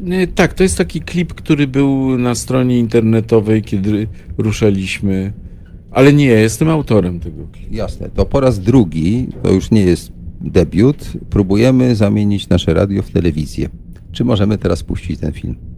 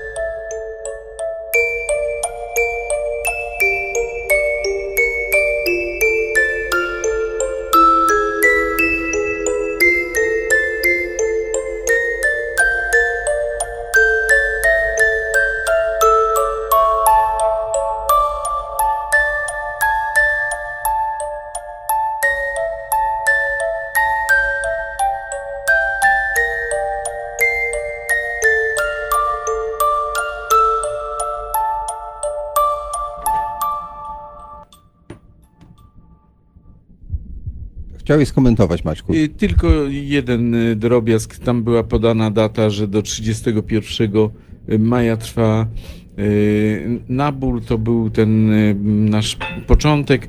Natomiast na stronie internetowej Muzeum Sztuki y, Nowoczesnej cały czas są otwarte drzwi i jeśli ktoś z Państwa będzie chciał się do nas zwrócić, to tam jest taki formularz do wypełnienia i my będziemy dalej odzwaniać albo mm, pisać. Czyli cały czas zbieramy te materiały. Cóż, myślę, że to jest e, coś niezwykłego, jeśli chodzi o zapis tego, czym żyliśmy przed wieloma laty. E, Przed 20, 30 laty, tak? Bo to są materiały z lat 60., 70. Ach, najstarsze są z lat 50. i no i właśnie w końcu z czasów okupacji również, więc różne. Y, No to mm, bardzo będzie y, ciekawe, co się uda z tego zrobić także, prawda? Bo same materiały nie, znaczy one są interesujące i wartość archiwalna jest niezwykła, ale przeciętny widz to pewnie też będzie chciał potem zobaczyć właśnie taki film, który wykorzysta to, co się uda zebrać. E, Jak rozumiem, ty masz już gdzieś tam taki pomysł, i, a jak inni będą chcieli z tego korzystać, to jak to będzie wyglądało? Znaczy ja mm, właśnie chciałem jeszcze raz podkreślić, że i, i, traktuję to bardzo, bardzo, że tak powiem, w sposób e, otwarty. To nie jest kolekcja zbierana pode mnie i wcale nie jest pewne, czy będę realizował ten film, czy nie. Natomiast wydaje mi się, że w momencie, kiedy zbudujemy stronę internetową, a chciałbym, żeby ona była, e, składała się z podobnych instrumentów jak nasza strona internetowa szkolna, gdzie będzie stolik montażowy, gdzie będzie można sobie wyciągać pewne ujęcia, gdzie będzie można kłaść je na wirtu- wirtualną półkę, montować, przerzucać na komputer. Więc wyobrażam, że po pierwsze, jeśli ktoś będzie miał ochotę pobawić się z takim gatunkiem, który w języku angielskim się nazywa fan footage, ostatnio y, to jest dość, coraz bardziej się robi popularne, czyli film montażowy, czyli y, jeśli ktoś będzie miał ochotę nadawać no- nowy sens, nowy kontekst materiałom źródłowym i tworzyć swój własny autorski film, no to, to, to, to będzie fantastyczny materiał. Myślę, że to będzie bardzo ciekawy materiał dla, dla naukowców i też dla historyków y, i że, y, y, że, że to archiwum y, stanie się y, czymś takim y, dla nas istotnym i ważnym. Za dwa lata z hakiem y, Muzeum Sztuki Nowoczesnej będzie miało fantastyczny nowy budynek. Y, Tam będzie specjalne miejsce dla tego y, archiwum y, i no, mam nadzieję, że, y, że uda nam się uratować mm, sporo taśm. To są ogromne emocje. Ja pamiętam, kiedy jeszcze nie mieliśmy mm, takiego pierwszego y, grantu, który dostaliśmy z Ministerstwa Kultury, nie- niewielkiego na razie zresztą niestety, to muzeum zwróciło się najpierw w pierwszym roku do artystów, którzy współpracują z muzeum. I pamiętam, kiedy przychodzili ludzie, przyszła kobieta, która przyniosła takie pudła y, z, z, taką piwniczą wonią, przepleśniałe. Te taśmy le, ledwo tam po prostu tą, pod tej pleśni było cokolwiek widać. I pamiętam moment, kiedy już po wyczyszczeniu, po sklejeniu, po zdigitalizowaniu ona nagle e, e, zobaczyła siebie jako małą dziewczynkę. No po prostu sta, strasznie duża była emocja i, e, i myślę, że warto, czyli jeśli Państwo, jeśli Państwo posiadacie takie materiały, to bardzo proszę o, o kontakt do Muzeum Sztuki Nowoczesnej na tę naszą stronę Polskie Archiwum Filmów Domowych. Ale mnie świeżbi jedno. Świeżmi jedno pytanie. Znaczy, oczywiście yy, myślę, że część z nas pamięta ostatnią rodzinę o Beksińskim, o rodzinie Beksińskich i tę szajbę yy, Zdzisława Beksińskiego, by dokumentować wszystko, co się dzieje wokół niego. Tę pozytywną szajbę chcielibyśmy powiedzieć, prawda? Znaczy, z tego fragmentu wydaje się, że nie, że jest to nie tylko szajba pozytywna, ale i wręcz yy, dosyć powszechna. No, ale pytanie, co z ciągiem dalszym? Bo mówi pan o y, ósemkach, szesnastkach, super ósemkach, natomiast y, VHS-ki Znaczy w sposób bardzo świadomy podjąłem decyzję, że nie będziemy się zajmowali VHS-ami. M, e, Między innymi dlatego, że to już jest kompletnie inna estetyka, inny świat. Siła taśmy y, 8 mm polega na tym, że jej było bardzo mało i ludzie, którzy włączali kamerę, włączali tę kamerę w jakiś sposób y, świadomie. Najpierw zastanawiałem się, dlaczego później ją włączałem. Siła tych filmów polega na lak- lakoniczności, na tym, no, tak jak widzieliście e, w tym e, trailerze, to są takie powidoki z życia. Kiedy weszły VHS-y, to zaczęło się straszliwe, rozlazłe e, gadulstwo. To są niekończące się godziny snujactwa. No i doszedłem do wniosku, że to już ja jestem na, za stary na analizowanie y, y, tej części. Y, niech to zrobi ktoś inny. My zajmujemy się tylko taśmami. Ja może na chwilkę tutaj e, wspomnę o pewnym takim moim doświadczeniu, które nie zamieniło się w film. Mianowicie kiedyś dostałem kasetę VHS, właśnie taką e, zrealizowaną, może nie tak źle jak e, tutaj to przedstawiłeś, bo akurat ona była dosyć gęsta, że tak powiem. E, Z tym, że ja się nie odważyłem tego materiału wykorzystać, bo się trochę przestraszyłem, że mogę komuś zrobić krzywdę. Bo to też jest ważne, żeby jak się coś pokazuje, mieć świadomość, co z tego wyniknie, prawda?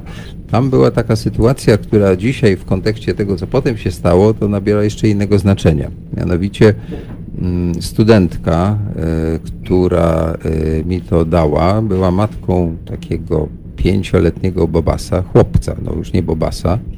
I to była scena z imienin, czy urodzin, w każdym razie jakaś rodzinna uroczystość, gdzie on chodził przebrany w komrze, ponieważ teściowa uszyła mu komrze i uważała, że to jest świetnie, i chodził z tacą, zbierając pieniądze wśród tych gości. E, I najpierw mnie to zachwyciło, bo sobie pomyślałem, to jest taka go, tak go, go, go, sobie. gotowa satyra, a potem e, tak pomyślałem, no, gdyby robić film, to trzeba dotrzeć do tej rodziny, prawda? E, ta teściowa robiła to z, no, z serca, że tak powiem, i w ogóle cała sytuacja miała charakter taki no, rodzinnie podniosły, tak? E, tutaj uśmiechy na waszych twarzach, szczególnie na twojej Maćku, wskazują, że odczytałeś to raczej tak satyrycznie niż, że tak powiem, ja podniośle. E, W związku z tym tego nie wykorzystałem. Ciekawy jestem, e, na ile te materiały, o których mówimy, mogą mieć trochę taki charakter, prawda? Mimo, że minęło kilkadziesiąt lat, to czasem dotykamy czegoś, co może być no, w jakiś sposób niewygodne, czy groźne wręcz. No więc po pierwsze chciałem skomplementować, że jak mówisz, że nie odważyłeś się, to, to, to, to, to, to po prostu bardzo mm, pięknie o tobie e, świadczy i to oczywiście jest e, szalenie istotny, coraz bardziej z, z, w środowisku, że tak powiem, filmowców dokumentalnych zapomniany e, pro- problem, czyli odpowiedzialności etycznej za swojego bohatera. Nie wiadomo, jak wygląda życie tego chłopca y, dzisiaj, y, no i tak dalej, i tak dalej, Po filmie prawda? Sekielskich to zupełnie inaczej Y, odbieramy. y, y, I, y, I oczywiście nawiązując do tego archiwum, to ym, ym, oczywiście mam to na uwadze i ma, mamy taki, mm, taki zawieramy, że tak powiem, z ludźmi, którzy przynoszą nam materiały, kontrakt, ponieważ oni bardzo często tych materiałów w ogóle nie znają, prawda? Przy, ktoś przynosi pudełko, tam jest pełno tych tasiemek i mówi, że no to zostało po mojej babci, ale nie wiem co tam jest. No bo nie było jak odtworzyć nawet, Tak, prawda? Nie więc- ma już tych urządzeń. Więc my, pierwszą rzeczą, my to digitalizujemy, a później osoba, która dostaje ten materiał, przegląda zdigitalizowany materiał i podejmuje decyzję, który y, ewentualnie jest nie do y, użycia. No bo mogą być.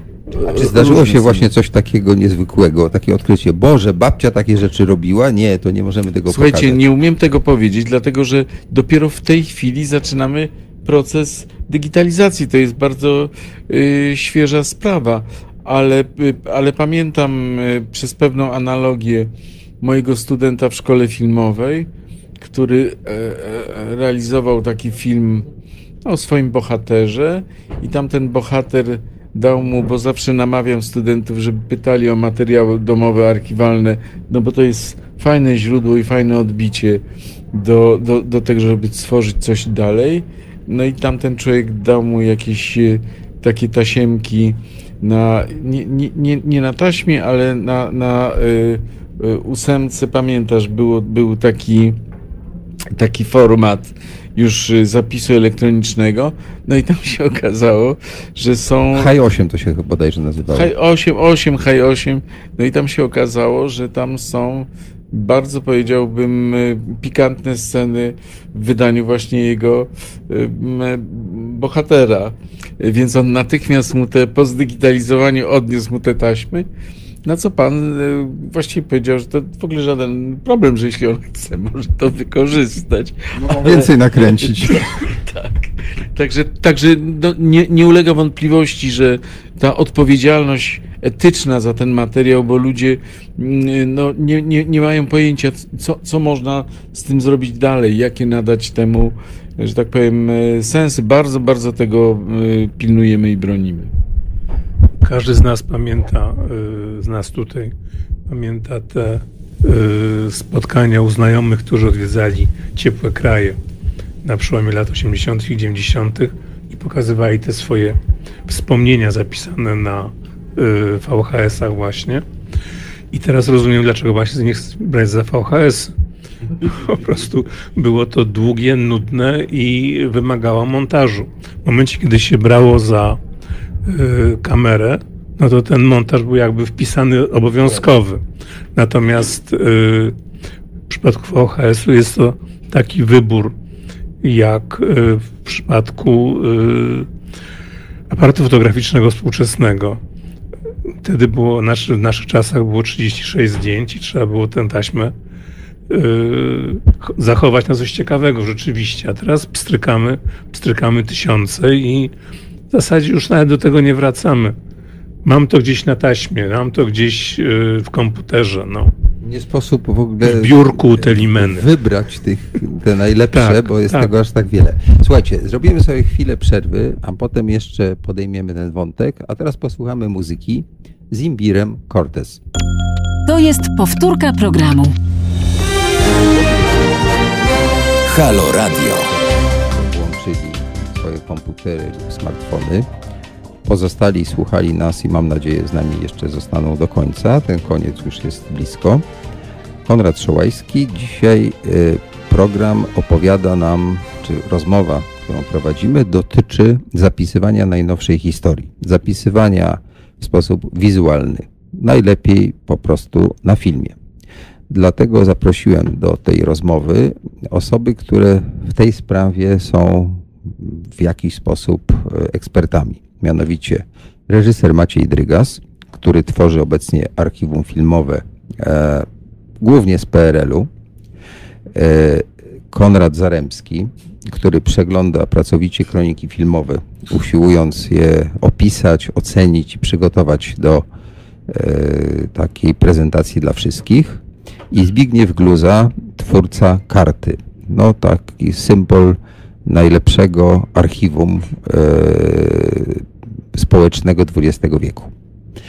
I teraz chciałem jeszcze, żebyśmy sobie powiedzieli kilka słów na temat tego, jak w ogóle możemy tę naszą historię najnowszą zapisywać. Bo e, jak rozumiem, taki dosyć oczywisty wniosek jest, że jeśli władza kontroluje e, media, czyli tak jak to było w PRL-u, telewizję, radio, a także kronikę filmową, no to wtedy powstaje tam taki trochę zafałszowany obraz lub bardzo zafałszowany obraz. Oczywiście były w tym wyłomy, ponieważ e, reżyserzy dokumentaliści e, często próbowali w sposób trochę metaforyczny, czasem bardziej bezpośredni, opisywać rzeczywistość tak, jak ją widzieli naprawdę. I to w polskim filmie było dosyć mocno zaznaczone już od y, lat y, chyba nawet 50. Ta czarna seria dokumentu to już zapoczątkowała. Potem pojawiły się te filmy obserwacyjne, dokumentalne, gdzieś tam Kazimierz Karabasz był klasykiem tego gatunku, a wreszcie cała ta fala takich ludzi jak Łoziński, Kieślowski, Kamieńska, mm, Piwowski i tak dalej. I to była taka bardzo głęboka analiza systemu, w którym wtedy żyliśmy, poprzez historię indywidualnych osób, jakieś takie może nie do końca jak gdyby o, o, o, opisy tego, co było na samej górze, ale przez pewną metaforyczność tak naprawdę jak się e, chciało opisać system, jechało się gdzieś tam do jakiejś małej miejscowości i stosunki, które były tam, odzwierciedlały, tak jak w kropli wody, to, co się działo w całym kraju.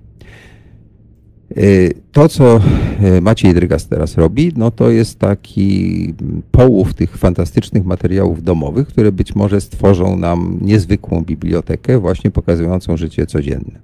Co, co, to, co dała nam karta, to uświadomienie sobie, jak dalece ta nasza historia może być opowiadana przez relacje indywidualnych osób. I teraz tak się zastanawiam i chciałem pod koniec rzucić takie pytanie. Co z ostatnimi czasami? E, ja mam takie poczucie, że w tej chwili jest niezwykły paradoks. Paradoks polegający na tym, że każdy z nas ma smartfona, czy prawie każdy. Każdy z nas prawie ma komputer. My możemy przy pomocy tych urządzeń bądź sobie sami rejestrować, bądź oglądać wszystko, co jest na YouTubie, na Facebooku i na różne sposoby kontaktujemy się ze światem przez obrazy. E, ale z drugiej strony jest stosunkowo mało takich zapisów, które dałyby obraz tego świata, taki właśnie jak dała tamta kinematografia, ta późno PRL-owska. Jeśli dzisiaj patrzymy na film Piwowskiego czy Kieślowskiego, to gdzieś tam odczytujemy zapis tamtego czasu. Ja mam trochę takie wrażenie, że stosunkowo rzadko jest dzisiaj w naszym kinie, a z kolei to, co możemy obejrzeć nie wiem, na Facebooku, to są takie streamingi, no trochę tak jak e, e, mówił Ma, e, Maciej Drygas o VHS-ie, że to kilometry nagrań bezkształtnych, takich trochę, no powiedzmy wprost, nudnych, prawda? Czy jest taka możliwość, żeby sięgnąć dalej, idąc za myślą, która stoi za kartą, idąc za myślą, która stoi za archiwum domowym, wymyśleć, jak opisywać i zostawić dla potomnych, a także dla nas samych taki opis tego świata wokół nas. Przy czym ja nie mówię tylko o polityce, bo oczywiście to jest najtrudniejszy temat i sam się z tym borykam, robiłem film Dobra Zmiana i tak dalej, ale w ogóle ja mam takie wrażenie, że stosunkowo mało jest takiego czegoś, co ja kiedyś w tej kinematografii widziałem. Nie wiem, czy się ze mną zgodzicie, rzucam to jako temat do dyskusji. Pozwolę sobie na taką uwagę. Coś mi się wydaje, że się medium zmieniło przede wszystkim. Yy, moje dzieci nie oglądają już telewizji. Yy, natomiast siedzą w internecie po uszy. I y, oczywiście każdy z nich ma swój kawałek internetu i tam znajdują y, opis tego świata, w którym żyją. Y, myślę, że też każdy z nas ma swój kawałek internetu i y, ten opis stricte internetowy poprzez, przepraszam, nie filmy, tylko memy lub inne formy, y, to wszystko znaczy jest. Tylko, że y, mimo tego, że ten internet jest taki niby szeroki, to wszystko jest to ograniczone do naszego wyboru. To jest ta post-postmodernistyczna tendencja, że każdy z nas tworzy już nie dzieło sztuki, tylko obiekt sztuki i każdy z nas ma pełne prawo do sięgania w określonym kierunku, swoim określonym kierunku. Efekt jest taki, że y, prawdopodobnie, prawdopodobnie każdy z nas ma inną wizję świata, w którym żyje, aczkolwiek mijamy się y, i spotykamy, rozmawiamy Y, wymieniamy nawet doświadczenia. I y, cóż, czekam na kogoś, kto będzie tak odważny, żeby te wszystkie różne światy połączyć w jedną całość. Drygas gromowładny na przykład. No, pod opieką Macieja Drygasa powstaje w Łodzi y, wśród studentów film, o którym tutaj mówiliśmy, realizowany w oparciu o materiały też domowe, dzisiejsze i wizyty. Nie, nie, to nie ja, to nie ja. A to nie, nie, nie, nie ty? To- to nie ja. przepraszam, to Mirek i, i, i Jacek. Tak, Tak, tak. przepraszam, to pomyliłem. Znaczy, bo to jest jakby bardzo trudne pytanie, dlatego że z jednej strony mm, mamy, mamy internet, Facebook i nam się to wszystko tak e, uprościło i e, jest e, no takie się zrobiło, powiedziałbym, codzienne i plastikowe i mm, często bardzo mało refleksyjne. Natomiast ja bym się jednak odniósł do mm, filmów, bo tym się bardziej interesuję. I, I jeśli spojrzeć na mm, polski film dokumentalny w tym takim szlachetnym wydaniu, to on do dzisiejszego dnia y, ma się y, nie najgorzej. Natomiast y, pewnie taką rewolucją w kierunku tego plastikowego świata to było pojawienie się w Polsce Big Brothera. Ja pamiętam, że kiedyś, kiedy przeczytałem, że to gdzieś tam w Holandii jest taki format, to pomyślałem, no tak, nie mieli, nie mieli komunizmu, nie przeżyli takich y, rzeczy, nie mieli podglądania, no to sobie takie podglądanie y, wymyślili i że to nie ma szans w ogóle, żeby to się mm, przyjęło mm, w, w Polsce. No później okazało się, że, że to się przyjęło mało tego. Y, Osoby, które no, kompletnie jakby nie, nie, nie reprezentowały nic po tym Big Brotherze, stawały się bardzo znane, nie wiem, również lądowały w parlamencie, to był jakiś taki niesamowity mm, paradoks. Natomiast y, jeśli mówić o pewnym strachu, ale strachu z punktu widzenia y, filmowca, bo jednak realizacja filmu dokumentalnego to jest przepuszczanie czegoś przez y, y, siebie i nadawanie jakiegoś takiego autorskiego stygmatu. To musi czemuś służyć, z tego ma się zbudować jakaś, jak, jakieś y, wyższe piętra znaczeniowe. To musi się jakoś odkleić od tego przekazu takiego zero-jedynkowego i śmiem twierdzić, że do czegoś takiego potrzeba również, jeśli mówimy już o zbieraniu materiałów z dzisiejszego świata, być może, być może pewien czas. Że i, ja, może to brzmieć będzie strasznie, ale czego najbardziej się boję w sztuce, to sztuki popandemiczne. To znaczy, wydaje mi się, że przez najbliższe 2-3 lata będziemy zarzuceni historiami pandemicznymi, no właśnie y, również y, takimi y, domowymi i że, i że g- gdzieś tam taka pewna szlachetność i pewna głębia, e, ona się gdzieś roz, rozpłynie. No taki, taki mamy czas, takie mamy instrumentarium yy, i znaczy ja nie, nie, nie używam ym, Facebooka yy, i to nie dlatego, że jestem starym człowiekiem, ale gdzieś Przepraszam, jesteśmy równolatkami. znaczy pewna, pe, pewna, pewna część informacji, yy, która jest tam yy, yy, w, w, upubliczniana, no, ma, ma, ma, ma taki charakter no, no, pot, no potwornie, że tak powiem. No, na, naprawdę średnio mnie interesuje, jeśli ktoś dzisiaj y, rano zrobił jajecznicę i tę jajecznicę y, y, o, o tym opowiada na Facebooku, co obrażam Facebook, bo oczywiście zdaję sobie z tego sprawę, że tam jest również mnóstwo rzeczy takich y, ważnych i ciekawych i jestem człowiekiem internetu i bardzo często ko- korzystam, ale, y, ale y, no, jest pewna różnica między czymś, co można nazwać sztuką, a ja jednak wierzę, że film dokumentalny jest sztuką.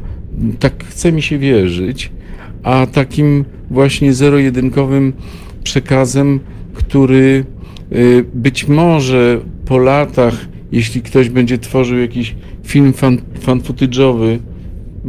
pandemiczny, z perspektywy, ale jakiegoś czasu dłuższego, to być może, że tam będzie szansa na zburzenie pewnego, pewnego banału. Tego banału strasznie się obawiam. Zbyszku, a czy nam możesz powiedzieć, jak karta dzisiaj? Czy karta w tej sprawie, jako zjawisko niezwykłe, niesłychanie ważne, ale czy jest jakiś plan na, na teraz, na później i, i, i żeby ten zapis nie dotyczył tylko tego, co było, ale tego, co teraz jest, co niedługo też będzie tym, co było?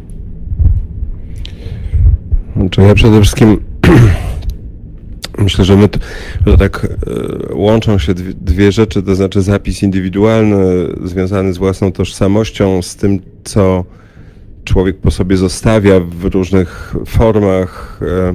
Ja mam wrażenie, że z tym jest e, nadal nie najlepiej, mimo że mm, jakby człowiek współcześnie jest bardziej upodmiotowiony niż dawniej jednak, ale, e, ale że nie ma takiej kultury jakby powrotu do, do, do własnej historii. I to jest jeden z wymiarów, który, który powoduje, że Y, że generalnie pojedynczy ludzie są słabi, słabi wobec, wobec propagandy związanej z historią. I to jest coś, co y, ja mam takie poczucie, że z tych naszych działań związanych z jednostkowymi losami coraz bardziej y, potrzebne jest wyprowadzanie jakichś wniosków generalnych po to, żeby nie dać się wplątać w, w, ścis, w, w czysto polityczną, jeżeli chodzi o cele, propagandę, która właściwie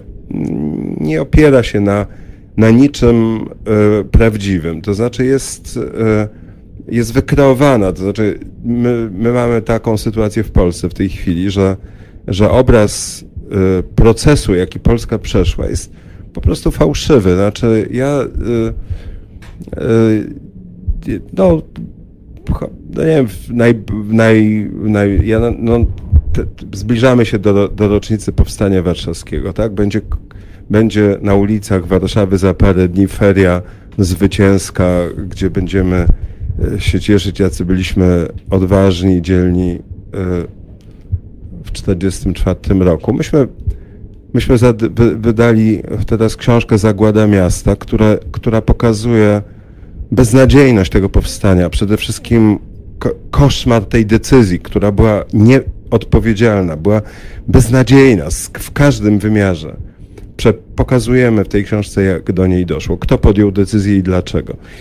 E, I to, to, to jest po prostu to, że, że my 1 sierpnia nie mamy e, poczucia, że powinniśmy się ukłonić tym ofiarom, tylko udajemy, żeśmy wygrali powstanie, to jest po prostu fałszerstwo tak głębokie i tak e, niszczące w ogóle to społeczeństwo z wieloma konsekwencjami bardzo poważnymi, że ja mam poczucie, że to jest zadanie do wykonania w wielu bardzo sferach, to znaczy w uogólnieniach, które po, pozwalają zrozumieć, w jakim kraju się żyje. Otóż e, jedna, decyzja o powstaniu warszawskim była jedną z najgorszych i w gruncie rzeczy straszliwie niszcząca, Natomiast mamy znakomite e, odsłony i e, to, że zniszczono Solidarność w każdym sensie. Chcemy skorzystać z 40. rocznicy Solidarności, żeby przywrócić ją w jakimś stopniu. Opowiadamy, jak z nią było. To nie jest bagatelne. Została zniszczona całkowicie najlepsza mitologia, jaka mogła kreować ten kraj. 10 e, lat prawdziwej akcji społecznej oddolnej, która która nie miała interesu politycznego, zniszczona przez trzy, trzy dekady prawie całkowicie. To jest problem. Ja uważam, że, y, że odwrócenie tego trendu, to znaczy pod, odwrócenie tego w taki sposób, żeby polityka nie mogła decydować, jak biegła historia, to jest także zadanie karty. I ja, y, ja uważam, że metody, jakimi się będzie można posłużyć dla tej sprawy, to znaczy dla stawiania pamięci na nogi, z tego zawirowania, jakie, jakie ma miejsce. To jest rzecz podstawowa i, ma, i ja mam wrażenie takie już naprawdę najgłębsze, że można się chronić przed tym, przed takim zawłaszczeniem umysłu przez przyjrzeniem się własnej historii. To znaczy, dlatego, że jak się wejrzy w głąb własnej rodziny, to widać, że to jest wszystko nieprawda. To znaczy, ta fasada, którą stworzono, jest nieprawdziwa zupełnie. Ale nie można inaczej. To znaczy, nie można jednej fasady przeciwstawiać drugiej, bo to niczemu nie służy. Trzeba zrozumieć, skąd się jest, i wtedy się wie, że się nie jest z tego. Cóż, to było bardzo. Tak, to było bardzo ważne, co Zbyszek powiedział, i myślę, że to otwiera perspektywy na następne nasze rozmowy. A dzisiaj muszę Państwu już bardzo, bardzo serdecznie podziękować i powiedzieć dobranoc.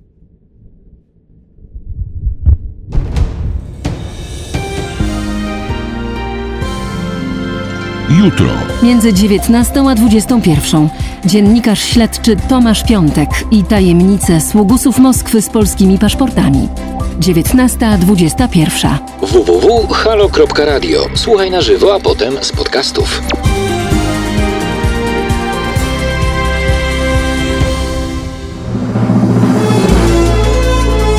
Halo Radio. Po co nam Halo Radio? Gdyby przez ostatnich 30 lat większość mediów nie układała się z politykami, to nie bylibyśmy potrzebni. Już dawno temu media zapomniały, że powinny być dla ludzi, a nie po to, żeby wspierać konkretnych polityków. W Halo Radiu wierzymy w etos pracy dziennikarza oraz w to, że media nie mogą opowiadać się za jakąkolwiek partią ani politykiem, ani schlebiać waszym prywatnym politycznym sympatiom. Jesteśmy od tego, żeby patrzeć politykom na ręce. Każde odpowiedzialne medium powinno mówić o politykach wyłącznie wtedy, gdy sprzeniewierzają się zasadom współżycia społecznego, prawom obywatelskim czy demokracji. Jeśli polityk pracuje dobrze, to nie mówimy o nim, bo przecież robi dokładnie to, czego od niego oczekujemy, za co mu płacimy. Nie mówi się wszak o wizycie w warsztacie, gdy auto jest sprawne, nieprawdaż? Media muszą być krytyczne wobec wszystkiego i wszystkich, taka powinna być ich rola. Drodzy Państwo, nie oczekujcie od nas, że będziemy przychylni Waszym politycznym wyborom. Będziemy natomiast mozolnie szukać dziury w całym. Po 30 latach polityczno-medialnego bagna to właśnie chcemy robić i robimy. I dlatego prosimy Was o stałe wspieranie naszej działalności www.halo.radio ukośnik SOS. Dziękujemy i życzymy dobrego odbioru Halo Radia, pierwszego medium obywatelskiego dla myślących i krytycznych Polaków.